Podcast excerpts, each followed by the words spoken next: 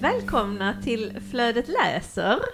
Det här är vårt fjärde avsnitt. Mm. Årets höstedition. Edition. Årets Edition. höstedition. Edition.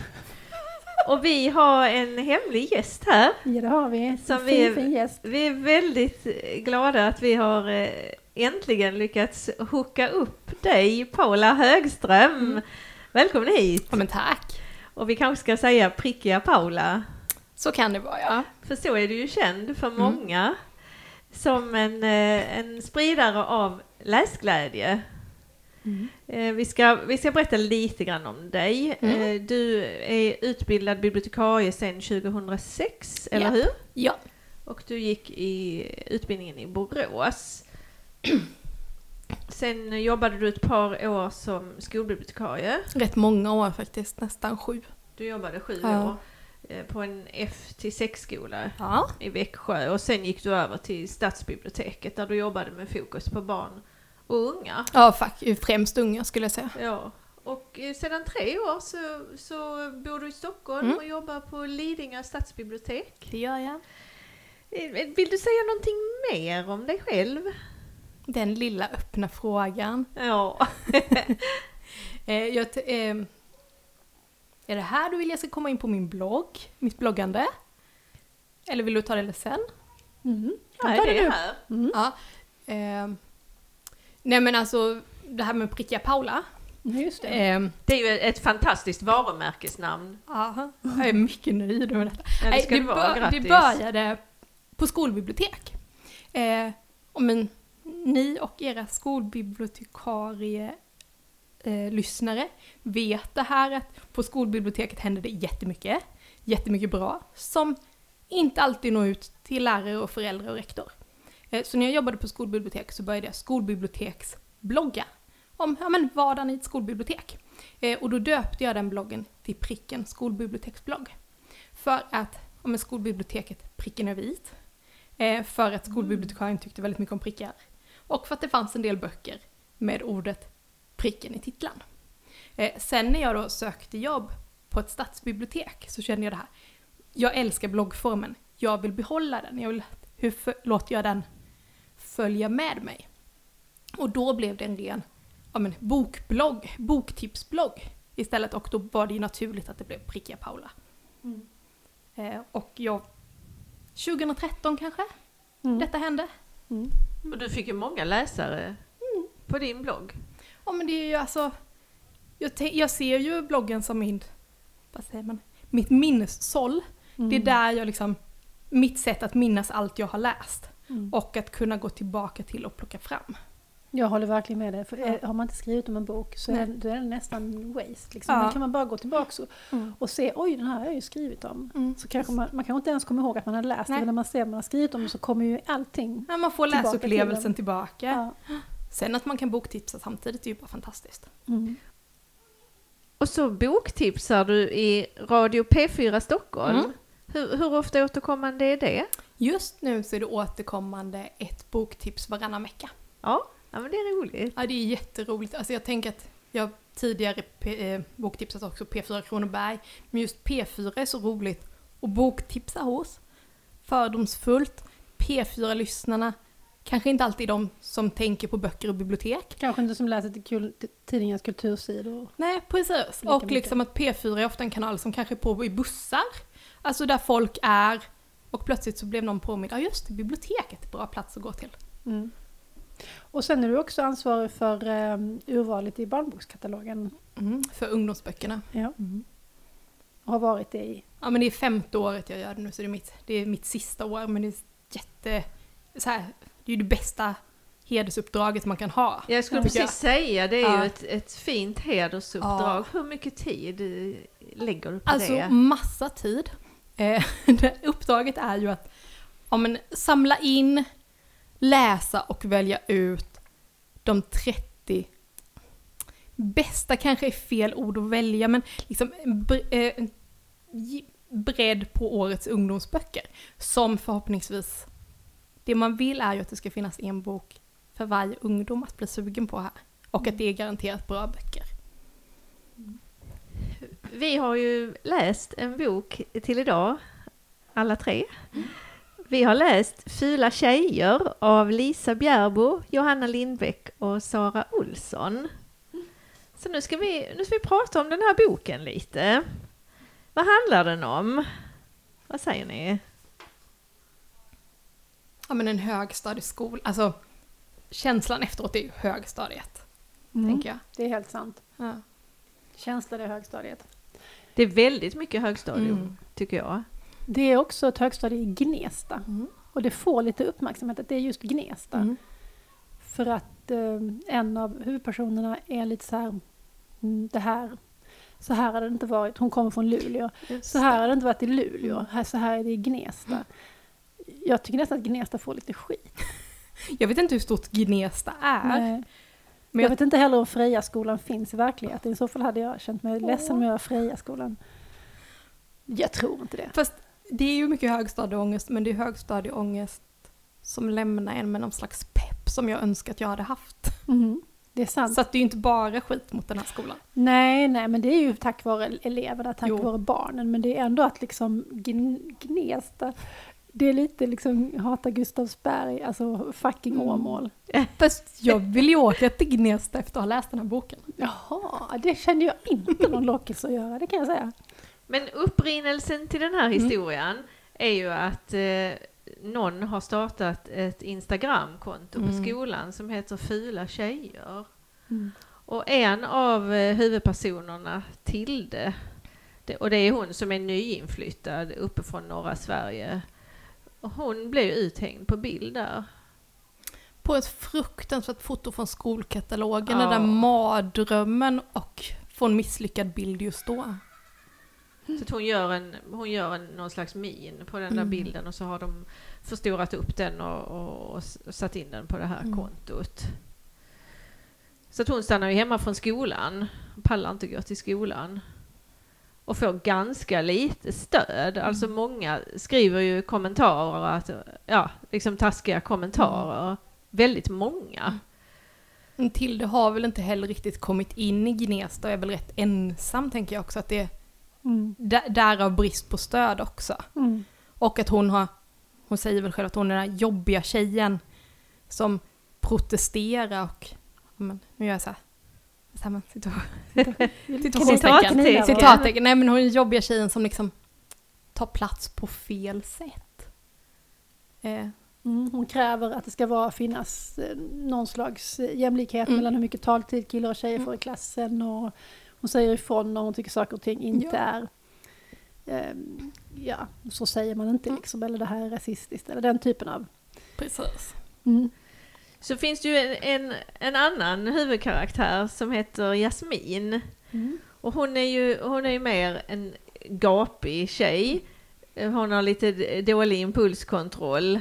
Och hon är också snygg och är ihop med en populär kille på skolan. Mm. Och hon blir ju också uthängd på det här kontot. Och så säker på att hon aldrig någonsin skulle hamna där. Och det tar henne nästan Ja. hårdare än Tilde att hamna där. Hon blir ännu mer påverkad av det Mm. egentligen. Och det sprids en rädsla bland tjejerna Mm. på skolan att kan Jasmin hamna här så kan vem som helst hamna på det här Mm. kontot. Och den tredje huvudpersonen det är då eh, Eleni. Som också är en ganska ensam typ. Mm. Men hon är inte störd av det på samma sätt Nej. som Tilde. Hon trivs ganska bra med sin ensamhet. Hon är en sån som iakttar ehm, på håll, räknar ut saker. Men just i den här boken har hon ju också ett span Mm. som hon lägger ner ganska mycket energi på. Det är en kille som hon tycker är så himla söt. Så Mm. hon har liksom börjat nästan lite stalkeraktigt Precis, för att kartlägga det är hans näst- liv. Utan inte iaktta, utan det är Mm. något annat. Alltså det är nästa nivå av ett Ja, Och det är ju en kille som heter Abbe. mm. Mm. Och han är ju kompis med Jasmins pojkvän. Mm, just det. Och vad är det han heter? Amir? Amir. Mm. Och Amir han är, han är häftig och populär. Och Abbe är liksom hans svans, kan man säga Mm. så? Abbe beundrar honom och Amir är så lite taskig mot honom faktiskt. Mm. Precis. Han är lite, eh, man är lite, eh, lite narr. Mm. Liksom. Lite i gänget. Men sitter alltid ihop med Amir, det är alltid Abbe och Amir liksom. Ja. Men det som är obehagligt då med det här kontot och vad som, det är ju inte egentligen det att man blir uthängd, det är såklart obehagligt, men det som blir riktigt obehagligt det är ju hur det här påverkar Mm. alla tjejer, även de som aldrig blir Mm. uthängda. Att man passar på hur man ser ut, Mm. man börjar fundera vilka kläder man har på sig, det ska inte vara något som är allt för uppmärksamhetstagande liksom. Eh, man går med rak rygg. Man får inte göra fula miner, man, Man får inte sticka ut. asgarva för då kanske det är någon som tar en precis när man liksom står med munnen öppen Mm. och smygfotograferar en. ja, det är väldigt obehagligt. En Mm. obehaglig känsla som det här skapar. Ja, vad, vad är det som, som gör att de här tre förenas egentligen? För det gör de ju. De har ju inte varit kompisar innan. Tilde, Jasmin och Eleni. Mm, De är ju tre helt... De jobbar i tre helt olika divisioner kan man säga. Man har nog inte pratat med varandra. Nej. Eh, ja men de, de får kökstjänst tillsammans. Ja, så är det Ja. ja. De ska torka av alla skolborden. De blir, ja men de blir ihoplottade. Att det blir de tre tillsammans. Och just under det här passet när de går och torkar bord i skolmatsalen, det är ju då Jasmins bild, bild läggs ut på Fula tjejer-kontot. Mm. Eh, och det är väl, ja men, genom det de hittar varandra. Mm. Ja, precis. För de vill ju då, de vill inte berätta det här för någon vuxen. Men de vill göra någonting åt det. Mm. Och då tänker de att det vi måste göra är att hitta den jäveln. Mm. Liksom. Vi måste Mm. få ta reda, ta reda på vem det är. Vem han är. För de är helt övertygade om att det är en kille. Precis, Från från början. att bör, ha funderat ensamma lite var och en, vem är det? Så börjar de väldigt så här, ja, ska, vågar jag verkligen prata med nästa om detta? Vem mina misstankar ligger hos eller inte? Jag tyckte det var väldigt spännande. För jag tänkte att nej, men det här kanske är en tjej. Mm. Eftersom de var så övertygade. De- De tror ju först att det är en lärare. Mm. De har ju en halvsunkig lärare som heter Sebbe. Mm. Som favoriserar killarna. Det kan man väl säga Ja, absolut. att han gör. Så de, eh, de testar det genom att lägga ut en bild på hans tjej. Eller de snarare, de skickar en bild på hans tjej när hon kommer ut från gymmet, när hon är så svettig och De- inte till mm. sin fördel. De detektivar ju lite för att lyckas ta en ful bild. Ja. Ja. Och då tänker de att, att läggs den här bilden upp sen så kan det inte vara Sebbe, han skulle inte lägga upp en bild Mm. på sin tjej. Och bilden läggs upp. Mm. Och Sebbe avskrivs och sen får de väldigt dåligt samvete för att de har Mm. utsatt den här tjejen för det som var så förfärligt. Att de har gjort samma sak som de själva har blivit utsatta för. Mm. Jag funderar på, liksom, om man inte hade vetat att det här var en bok skriven av tre författare, hade man Mm. märkt det då? Hur märks det? Nej, Nej, jag jag tänkte, tycker inte, inte det. jag tänkte inte på, på det. Tycker du det? Nej, Tänker jag som jag- ställer frågan. Nej, jag, nej, för jag tycker inte heller det direkt faktiskt därför Nej. att ehm, det man tänkte när man visste att den här trion Mm. som ändå är, för mig är det liksom kanske liksom eliten av svensk, men man blev svenska just- ungdomsboksförfattare. Man blev så pepp när man hörde om detta. Ja, alla tre Mm. har förmåga att skriva med en väldigt bra tonträff, ungdomsböcker som, Mm. som träffar och som känns på riktigt.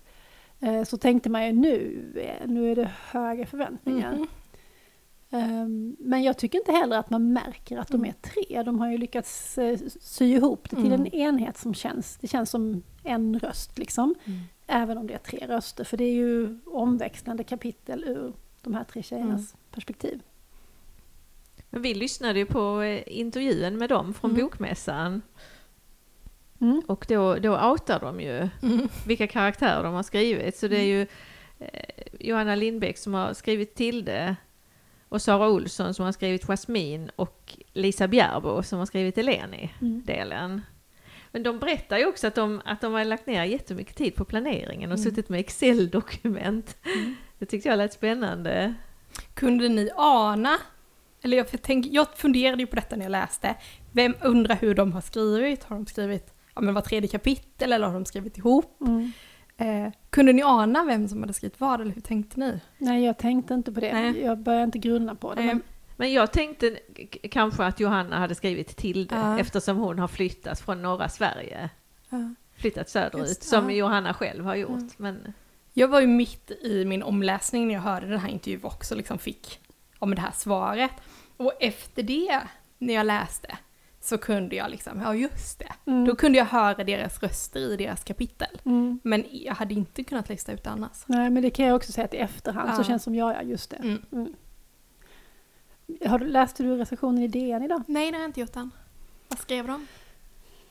Alltså det var väl en eh, positiv recension, Mm. men det som jag tyckte var konstigt, som vi diskuterade i Mm. morse Lotta, det Mm. var att hon skriver att eh, hon drar en parallell till unga kvinnor, som jag inte riktigt fattar. Jag, jag kände att recensenten tyckte att det var härligt att dra en parallell till unga kvinnor, men att det inte var alls befogat. Men hur, hur dras Jo, den hon, då? som jag förstod henne, recensenten, så, så menar hon att här har vi tre olika eh, typer eller Mm. karaktärer så att många kan identifiera sig med, eh, med, med, bo, Mm. med någon i boken, att alla har någon att identifiera sig Mm. med och så är det ju i unga kvinnor också. Mm. De här fyra systrarna är ju väldigt olika. Mm. Det är ju sant, men sen drog hon i samma mening parallellen till sexstrejken. Mm. en mycket nyare ungdomsbok som, som eh, också har det här. Den, där är det väldigt många röster, det är en Mm. nästan kakafonisk bok. Mm. Eh, men där är det också ett uppror mot Precis. eh, att kvinnor, det är ett metoo-uppror Mm. kan man säga. Eh, så då tycker jag att man, man drar paralleller till två ganska olika böcker och som är lika den här boken på två helt olika sätt. Ja. Och då blir det konstigt för mig när hon gjorde den, den parallellen i samma mening. Ja, ja, det blev lite konstigt. Mm. För att st- styrkan, en av styrkorna i den här boken tycker jag är att, att flickorna är inte ute efter någon hämnd, liksom Nej. att, att sätta dit någon och vara taskig tillbaka. Utan de vill, de vill bara ta reda på vem det är som gör den här Mm. skiten och sätta stopp för det. Och Elene är ju rätt pepp på att lösa en, om en detektivgåta eller vad man ska säga Ja, också. En av Elenis idoler är ju Saga Norén Mm, mm. på Rikskrim Ja i Malmö. verkligen. Mm. Hon gör ju till och med i sin garderob liksom den här poliskartan med fotografier och pilar och Mm. trådar. Mm. Men hon är lite rädd. Alltså hon vill ju verkligen detta. Eh, och det är ju lite så hon, när hon spanar på den här söta killen också. Men hon är ju lite rädd att tillåta, berätta det här för Tilde och Jasmine och ska de tänka att vi ska göra en här Lasse-Maja-mysterium nu? Mm. När det egentligen är på, ja men allvar. Det här är på allvar. Hon och är de tar det ju faktiskt också på allvar. Ja. För det är ju på allvar för de två Det är ju de som ju har det. blivit uthängda. Mm. Och Eleni blir ju aldrig uthängd och det är ju för att hon är ju Mm. helt ofarlig. Hon är så, liksom hon är professorn men hon håller tyst. Mm. Till skillnad från Tilde som kanske också är ganska ointressant Mm. som tjej men hon håller inte tyst. Precis. Och eh, Jasmin, ja men hon är ju Mm. inte heller ofarlig för hon säger precis vad hon tycker Mm. hela tiden även om hon kanske ofta tycker som killarna. Mm. Men så är hon ju ändå eh, en Mm. helt självständig individ som gör precis som hon själv tycker i, i varje sekund. Så, då, så att Eleni, hon är aldrig något hot Nej. för den manliga könsmaktsordningen. Mm. Men det, det som är så härligt med den här, eh, den här trion, det är ju Mm. att deras specialiteter, det blir ju deras superhjälteegenskaper. Mm. Så det här är ju en superhjältetrio Mm. som slår tillbaka. Ja, Jag tycker också så mycket om att läsa om men hur deras vänskap läser fram, vä- växer fram Mm. när man liksom ser det ur tre olika perspektiv. Hur rädda de är att våga närma sig varandra. För tänk om Elena inte vill ha till det där. Eller tänk om Tilde och Jasmine gör något ensamma. Alltså den här osäkerheten på en vänskap som parallellt växer fram. Mm. Och, och Tilde som också är oerhört hungrig på Mm, vänskap. ja. Hon har ju inga bästisar där. Känner igen mig med henne nu. Jag är också nyflyttad till, Ja. till en ny stad och jag har liksom inga bästisar här. Mm. Och så man saknar det där liksom hänget. När de Men kladdkakefnisset. Kladdkakefnisset, ja. ja. En annan sak som jag måste säga som är såklart en ytlig kommentar men som jag tycker ändå är ganska viktig att det är en jävligt snygg bok. Fruktansvärt snygg bok. Den är väldigt eh, tilltalande och på omslaget är det ju en illustration av Stina Wirsén av de här tre tjejerna och eh, den är så fin. De kommer gående tre i bredd Ja, och de det är tar liksom plats. Skampromenaden där Precis. på framsidan. Ja. Ja. Och det här är man ju så glad för som läsfrämjare. För ser en bok ut så här så har vi ju verkligen en chans att sälja in den. Och det här tror jag är en bok som många kommer att gilla. Det tror jag med. Den är ju lättläst får man ju säga. Mm. Ganska kort. Och ett Och oerhört korta kapitel. Ja. Och ett oerhört driv i berättandet också i och med att man hela tiden växte med de här tre karaktärerna. Och kanske också att den är skriven i presens, att det blir så här Mm, väldigt, väldigt ehm, här och nu liksom. Den är mycket här och nu och som läsare vill man verkligen veta vem Ja. är det? Man, man dras med Mm. i den här gåtan. Mm. Hur mycket brukar ni prata om boken? Spoilers och så vidare. Hur långt pratar vi om? Ja. Ja, det... Alltså vi brukar väl försöka undvika spoilers. Mm. Egentligen tänker jag att de som lyssnar på det här, det är Mm. de, de kommer att läsa den själva Mm. eller kanske de redan har Ja. läst den själva och kanske har det ingen betydelse. Men just i den här boken så är det ju ändå en... Eh, lite av drivet i läsningen Mm. ligger ju i lösningen. Mm. Så jag tycker det är lite synd att säga det. Och, ja, lösningen behöver jag inte säga, men jag tänker att eh, för det som händer på Instagram också, det är ju den här chatten, eller Mm. DM chatt, jag vet inte, vad säger man? Ja, eller en messengergrupp. Ja, Messengergrupp kanske. Ja, Ja. eh, som de döper till Det finns inga fula tjejer. Mm. Eh, som ju efter ett tag, det måste vi ändå få säga, växer Mm. utanför de här tre tjejerna. Mm. Eh, för de bjuder in andra tjejer på skolan som de litar på. För de inser att de tre kan inte lösa det här mysteriet själva, vi behöver vara fler. Mm. Eh, och den här, då är det några kapitel som inte är ur någons perspektiv utan man får följa de här chattarna. Ja. När tjejerna peppar varandra och löser det här. Och jag tycker, åh, jag gillar, det är sån, jag vet inte, Mm. energi i det. Ja, och de har ju 28 medlemmar Mm. i sin grupp. Jag tycker det är fi- väldigt fint också för Mm. att den här då visar ju liksom, ja men det är uthängdhet på sociala medier och det är nackdelar med sociala medier. Men den tar ju verkligen upp styrkan med Ja. sociala medier också för Ja. det är ju tack vare sociala medier som de kan gå samman. Mm. Och de löser ju hela den här gåtan Mm. genom att de i den här chattgruppen Mm. ger varandra olika idéer och Mm. olika uppdrag Precis. och bestämmer hur de ska göra. Och Och den- slutscenen är ju mäktig. Det är väldigt mäktig. Jag känner mig lite tårögd när jag stängde Ja. boken. Håller med. Ja, jag du? håller med också. Sen ni vände er om och tittade, tittade på mig. Jo, visst, det, är en mäktig slutscen Mm. och det, den avslöjar vi inte. Nej. Och vi ska inte avslöja heller vem Nej. det är som äger Mm. det här kontot. Nej. Men hen blir avslöjad. Mm. Sen ska det ju komma två böcker Mm. till Med samma karaktärer. Precis. Emot. som ska heta Jobbiga Mm. tjejer och svaga tjejer. Mm. Så de ser vi ju fram emot. Men väldigt mycket. Jag måste bara få återgå till den här chatten också. Ja. Mm. Eh, för det som är så härligt är ju att det är tjejer både i sjuan, åttan och nian. Eh, olika social status. Eh, men det som börjar hända efter ett tag är ju att de pratar inte med varandra i skolan för de är överens om att vara liksom hemliga för att de jobbar undercover. Men när de börjar ge blickar till varandra och börjar peppa varandra i skolkorridoren när de möter de här killarna som man känner man kommer få höra fula ord. Men ett leende från en annan tjej i den här chatten gör att man kan gå rakryggad igenom. Mm. Och alltså det tycker jag är jättehärligt. Mm. Jag ser dig. Det är Ja. någon där, jag ser dig liksom. Ja. Mm. Ibland kan det räcka Ja. med en blick. Ja, och eh, det finns någon mer liksom, jag är inte ensam i detta. Mm. Ja, det är gött. Det är det. Ska vi lämna fula tjejer? Mm. Är vi nöjda med detta? Nej, jag har en, jag har en fråga. Ja. Eh, vem har ni som, har ni liksom någon av de här tre tjejerna ni har som favorit? Mm. Alltså jag identifierar mig ju absolut mest med Tilde. Mm. Mm.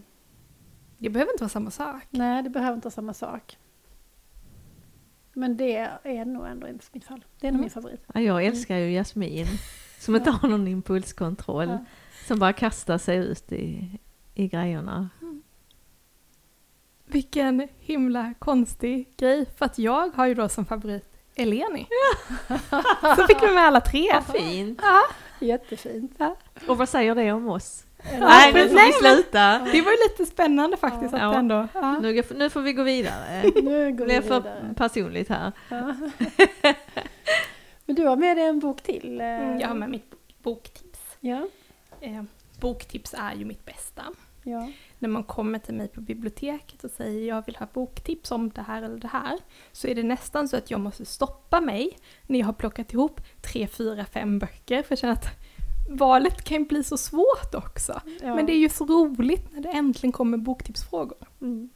Eh, jag har med mig en favorit, eh, Rainbow Rowell, som ju tidigare skrivit om både Fangirl och Eleanor Park. Mm. Nu har hon samarbetat med en serietecknare som heter Faith Erin Hicks. Eh, och deras bok Pumping Head har precis kommit på svenska under namnet Sista chansen. Vad hette den? Pumpkin head, alltså pumphuvudet. Pumpahuvud. Visst Pumpahuvud. är det så den heter? Nu blir jag så här jätteosäker. Jag har inte Jag sett tittar. den här boken, är den alldeles ny? Ja, på svenska är den alldeles ny. ja, den kom nu i höst. Ja. Men det är unga vuxna så den kan ni ha på Ja, skolan. absolut. Det- Alltså, vad säger man? Grafisk roman, ett seriealbum. Ja, grafisk roman. Och också i färg. Mm. Så här extra lyxigt. Jag tänker det händer inte jätteofta för unga den, vuxna-kategorin. Eh, jag älskar hösten. Det är ingen hemlighet om man till exempel följer mig på Instagram. Jag är lite besatt av prasselöv. Alltså löv som prasslar. Älskar hösten fram till löven har trillat av på träden. Det här är ju då en höstroman, eller höstberättelse. Vi får följa Deja och Josha. Under tre år så har de jobbat på höstmarknaden. En stor grej i USA. Det har någonting med halloween att göra. Eh, det är mycket pumpor. Eh, de har jobbat på höstmarknaden, har de jobbat i så här majsboden och gör så här majsrör. Det är massa olika mat. I år är sista året, för nästa år är det college och de ska åka iväg. De är höstvänner för de har alltid på den här marknaden jobbat tillsammans. Eh, Deja, hon har dejtat typ halva personalen. Nej det har hon inte, men hon har Mm. hon tar för sig, hon syns och hon hörs. Eh, men i alla de här tre åren, Joshua, han har bara gått och trånat efter Cola-tjejen. Hon som jobbar i Cola-boden. Men han har aldrig vågat prata med henne. I år så har Deja bestämt sig, nu är det sista året, nu är detta mitt uppdrag. Att få Joshua att prata med Cola-tjejen. För hon är ju Joshuas vän, vän, och vänner låter inte sina vänner leva futtiga liv. Ja. Därför måste han våga prata med Cola-tjejerna. Så vi får följa med dem en kväll när de skolkar från sitt jobb. Eh, Joshua är då också alltid, han är, vad heter det, han är årets MMM. Mest, mesta marknadsmedarbetare. Han Oj. är alltså väldigt noga på att göra sitt jobb. Det här att skolka eh, och hitta på något annat den här kvällen, det tar lite emot dem, vi säger så. Mm. Eh, så de, vad heter hon? Eh, Deja har lyckats byta majståndet till att sälja paj. För pajståndet är nära kolaståndet. Det är ju bara det att det är inte bara de som har bytt arbetsplats den här kvällen. Så vi får följa med runt hela marknaden, fullt med mat, kanderade äppel och annat. Eh, kommer han, vara- hur ska han göra för att prata med kolatjejen? Och när han väl kommer fram till kolatjejen, är hon verkligen den han har målat upp i sitt huvud under tre år? Alltså det är bara jättefint, höstigt, vänskap, det är romantiskt, det är ja. Feel good alltså. Ja, verkligen feelgood och det behöver vi väl kanske extra mycket på hösten. Feel good i brunt och orange. Ja. Så gött. Mm. Ja, Jag tycker det är en jätte... Och det, jag menar det... Nu kom den på svenska, jag läste den första gången på engelska. Eh, under ett väldigt lugnt informationspass på biblioteket. Så det är ju liksom, det är ju en läsning i en sittning om man vill. Mm. Men är det högstadiet eller gymnasiet eller båda? Båda, Mm. alltså de är ju... Ja men funkar absolut lika bra på gymnasiet. Mm. Och jag får ett oväntat slut. Som man kanske kan lista ut. Men det är oväntat för våra huvudpersoner. Ja, ja, ja. Jag blev jättenyfiken, Mm. jag vill absolut läsa den. Härligt. Tack Paula, vad, vilket, fint, vilket fint boktips. Mm. Tack. Är det jag som ska Ja, säga nu- någonting Ja, nu? du. Då, då kommer jag med en, en helt annan eh, sorts bok nu. Det är Hästpojkarna av Johan En. Och den, den tyckte jag väldigt, väldigt mycket om, ska jag säga eh, direkt innan jag börjar berätta om den. Ja, Den här boken kom 2019. Mm. okej. Mm. Och den, den utspelar sig på två tidsplan och man kan väl säga att det är tre huvudkaraktärer i, i den här berättelsen. Och eh, det, det, ena tidsplanet är i början av 1900-talet i Tjeckoslovakien och det är två eh, barnhemspojkar, Sasha som egentligen heter Alexander och Janek som växer upp på det här barnhemmet tillsammans och de eh, håller på med akrobatik. Det gör alla barnen på det här barnhemmet. Och de har hästar där också så att de gör fantastiska konster på hästryggen. Och de, ja, de håller ihop. Och eh, Sasha pratar inte med någon annan än Janek. Och de är, han är väldigt beroende av, av Janek. Och de, eh, av olika anledningar så rymmer de från det här barnhemmet och hamnar på ett kringresande cirkussällskap som tar dem till 20-talets Berlin där man kunde leva som man ville och öppet älska den mm. man ville. Och det här blir en, en omvälvande tid i de här unga, unga killarnas liv. Så det, det är det, den ena berättelsen. Den andra berättelsen är, är Anton som bor i Stockholm. Han är 19 år. Han jobbar inom hemtjänsten och i sitt jobb så går han bland annat hem till en, eh, en äldre man som heter Alexander som, eh, som bor vid Tantolunden och den här mannen pratar inte. Men efter ett tag så, så lär de känna varandra och de får ett sätt att, att kunna kommunicera med varandra.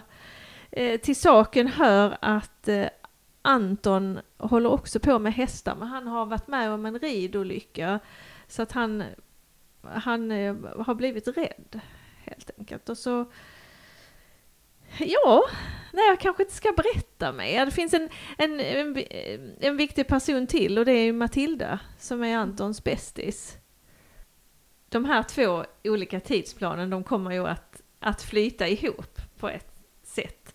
Och den här, på ett väldigt snyggt sätt. På ett väldigt ja. snyggt sätt och den här gamla mannen är ju en av, eh. Av barnhemspojkarna. Så den kan jag, jag kan verkligen rekommendera den här boken.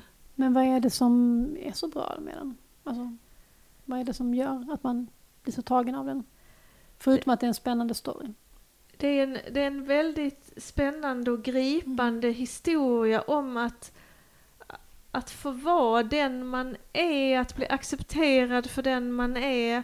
En berättelse om vänskap och kärlek. Att få utvecklas och, och växa upp. Men tänk också, jag, det jag fastnade mycket för är vänskapen mellan den här äldre mannen och så Anton i helt olika generationer. Och hur, ja men det, jag kommer ihåg, heter han Alexander, mannen? Ja det heter han. Som inte ens pratar. Nej, det men hur, det finns en sån fin respekt. Ja. Eh, från Antons sida mm. framför allt. Men mm. de blir ju vänner. Men det är också väldigt fint beskrivet Matildas och hans ja, vänskap. Absolut. Och sen är det ju en annan grej i den här boken att Anton har ju precis träffat en, en kille som är lite äldre mm. än han. Som han är tillsammans med. Och han reser ju iväg på ett jobbuppdrag. Och Anton är lite osäker där för att han svarar ju inte på Antons meddelanden. Så, så den här boken har den har, den har mycket i sig men det, framförallt så är det att man, man ska få älska den man vill. Mm. Men är det mer gymnasiet än högstadiet? Det är mer ja. gymnasiet, definitivt. Ja. Jag tycker egentligen att det här är en allåldersbok. Mm. Inte all ålders då. Men, nej, men även vuxen mm. liksom. Unga vuxna ja. och vuxna. Mm. Ja. Mm. Nej, det där är ju intressant att det är varför det ges ut som barnlitteratur mm. eller inte mm. barnlitteratur. Det gäller faktiskt också för min bok, men vi kanske inte är färdiga med din ännu. Ska vi säga något mer om Hästpojkarna? Ja, Hästpojkarna fick ju Nils Holgersson-plaketten, ja. som är ju ett fint pris och den är också nominerad till Nordiska rådets litteraturpris. Mm. Så vi får se hur det går. Mm. Ja, jag har ju nu läst, apropå prisbelönta författare då, en eh, Alma-pristagare, Meg Rossows ny, ny senaste bok på svenska, men det är hennes senaste bok överlag och den heter Gudas like på svenska. Och det är också en, inte en allåldersbok, men kanske från 8 9 och uppåt. Har du hunnit läsa den? Jag har inte hunnit läsa den Nej. men jag har spanat in den som ljudbok för jag har en skådis jag är lite besatt av som har läst in den på engelska nämligen. Aha! Ja, Jag har inte hunnit läsa den igen men jag älskar ju alla hennes böcker Ja. så att jag ska läsa Alltså den. den här boken har allt. Eller ja, Oj vilken hype! Nej men du vet. Eh, jag har en bekant, eller en sån här grej som vi ibland skojar om i liksom kompiskretsen. Det var en, en bekant som hade sett eh, Notting Hill på bio och sagt det är en film helt utan fel. Och jag skulle vilja säga samma om den här. In, inte för att det är en bok helt utan fel. Och det är inte Notting Hill, är ju inte en film helt utan fel. Men varför leta fel i något som är så jävla bra? Mm. Så. så det här är, tycker jag, man kan säga en bok helt utan fel. Den handlar om en familj med fyra syskon som beger sig till sitt eh, sommarställe. Vi åker till havet varje år, berättar ber- den här berättaren som är den äldsta syskonet. Och eh, vi, på stranden, där har de ett hus och det finns också ett mindre hus som tillhör släkten och där bor pappans ganska mycket yngre, yngre kusin med sin pojkvän. Och deras hund. Det finns ju alltid med en hund jag- när det är med Grossoff. Alltid. Ja. Och ehm, de här somrarna på stranden, de, de liknar ju alla varandra. Det är liksom ändlösa dagar med bad och läsning och tennisspel och såna här underbara utemiddagar som bara fortsätter långt in på natten. Och det är liksom en sån här eh, excentrisk familj, en sån här härlig familj som man bara liksom, ja, en sån som man skulle vilja vara. Ehm, men redan ehm, andra dagen så annonserar de här, det här yngre paret att vi har två överraskningar som vi ska berätta om ikväll. Eh, och då är den ena överraskningen att de ska gifta sig i slutet av sommaren, så hela sommaren ska liksom sluta med det här crescendot, giftermålet.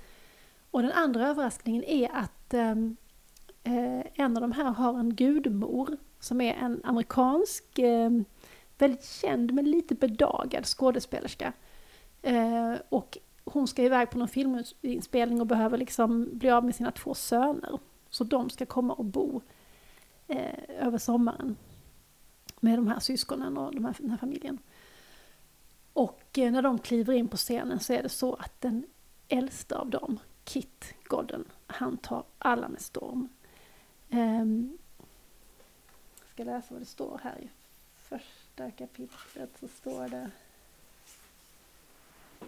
Mm. Alla talar om förälskelsen som den mest mirakulösa, mest livsomvälvande i hela världen. Något händer sägs det, och då vet du.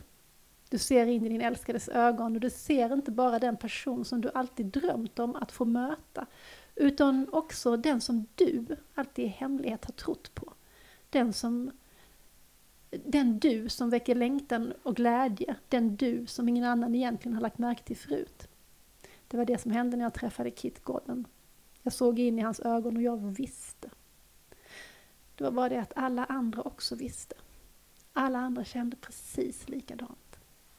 Ja, vad ödesmättat. Och Kit, han inleder ett förhållande med huvudpersonens lilla syster, alltså det näst äldsta syskonet som är, hon har precis gått från kantig 15-åring Mm. till 16-årigt bombnedslag och hon är vacker och hon vet om det. De inleder ett förhållande. Men han nöjer sig inte med det, Kit. Han är en orm i paradiset. Ja, så det här är oerhört spännande och även lite förvirrande därför att jag har ju hela tiden läst den här boken som att huvudpersonen är en tjej. Och när jag skulle skriva boktipset så skulle jag liksom kolla vad heter hon? Så jag bläddra i boken och så hittade jag ingenstans vad hon heter. Och jag vet inte om jag har läst dåligt. Ehm, och jag vet inte om jag har rätt eller fel i det här, men det kan vara så att huvudpersonen, att det aldrig avslöjas vilket kön. Men att jag bara har helt och hållet läst det som en tjej. Alltså jag blir jättelässugen men jag blir ännu mer lässugen för att undersöka. Ja, precis. Du får, du får återkoppla till mig ja. om detta därför att när man sitter och försöker bläddra och hitta liksom, då hittar man ju inte det. Men om man läser det med de glasögonen så vet man ju från början då att det här ska jag hålla utkik efter.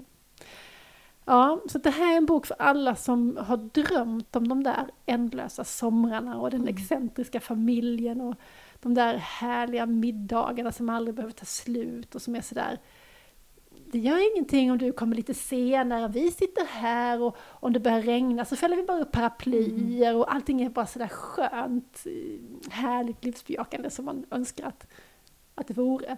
Aldrig någon sand mellan tårna eller mat som har kallnat eller Mm. potatis som inte blir färdigkokt i tid eller syskon som bråkar. De här syskonen bråkar jättemycket men bara på ett helt charmigt härligt sätt.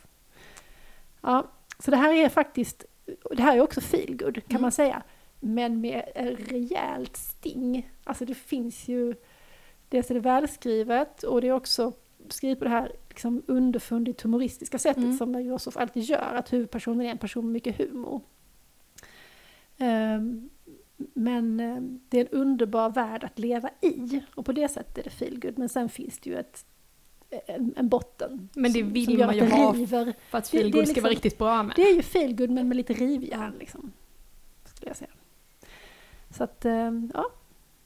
Men Meg Rosoff brukar ju aldrig göra en besviken. Nej. Nej, det har aldrig hänt faktiskt.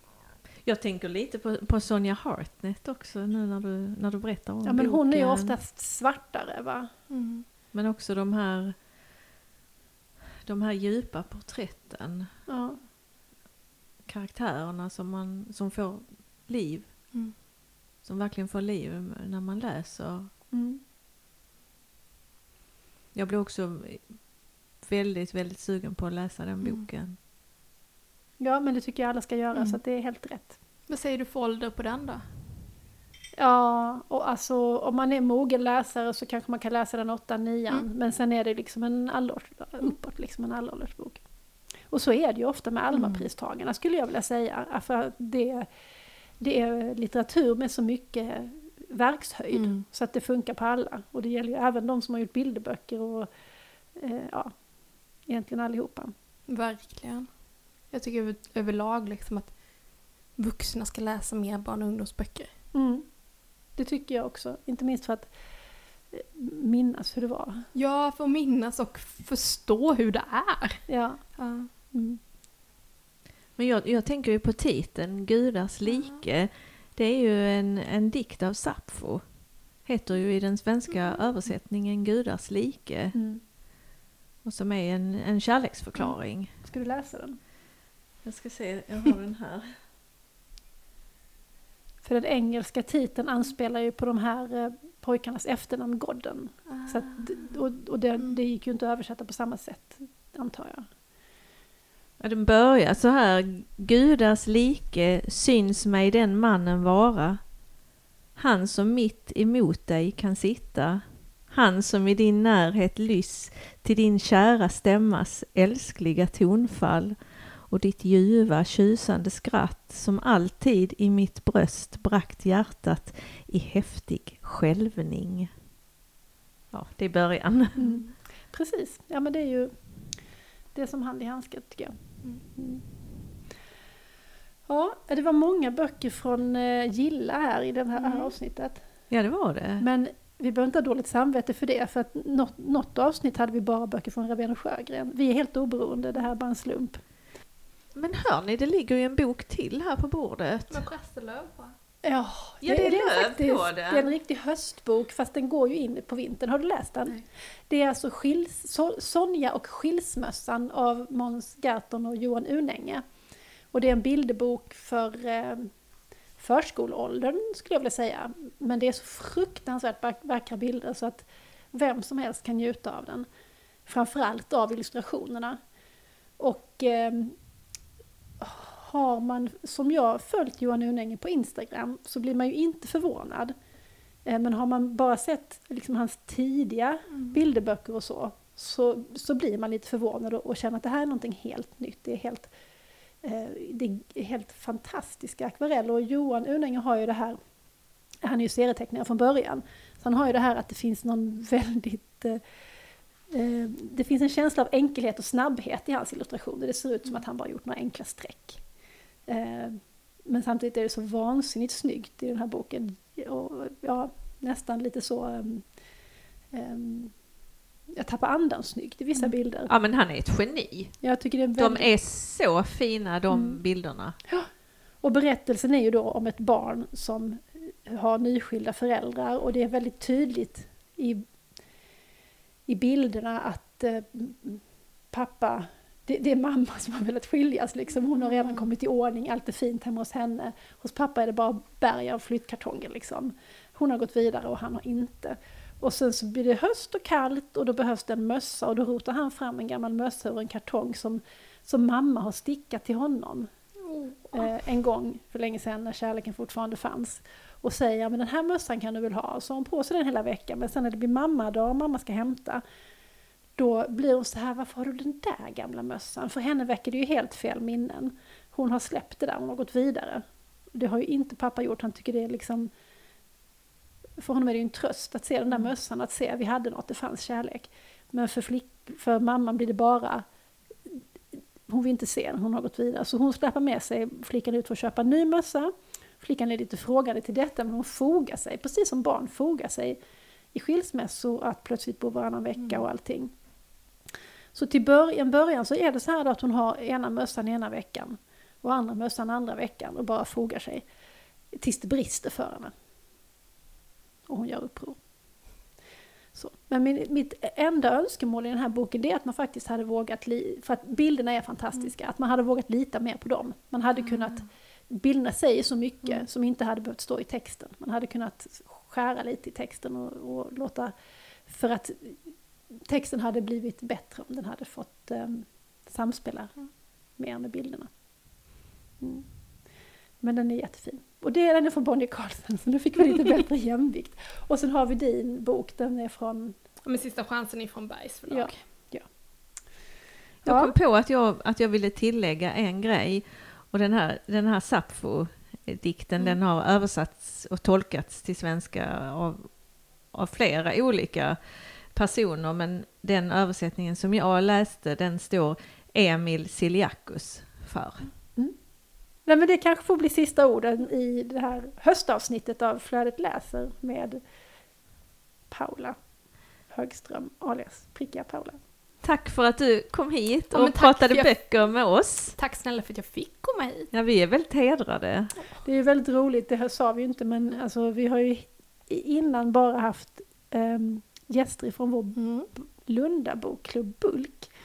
Men nu är det ju så att du har ju bjudit in mig till Mm. din bokklubb, så du är fortfarande en gäst från en bokklubb, fast det är nya Precis. Stockholms bokklubb. Mm. Så det är ju väldigt, väldigt roligt. Ja. Och sen ska vi passa på att tacka Matteusskolan för att jag fått låna mikrofon. Vi ska tacka rektor Torbjörn för vår fina jingel. Ja, och så tackar jag dig Lotta. Och så tackar jag dig Klara. Ja, Tack. återigen tack Paula. Tack. Hej då! Hej då! Música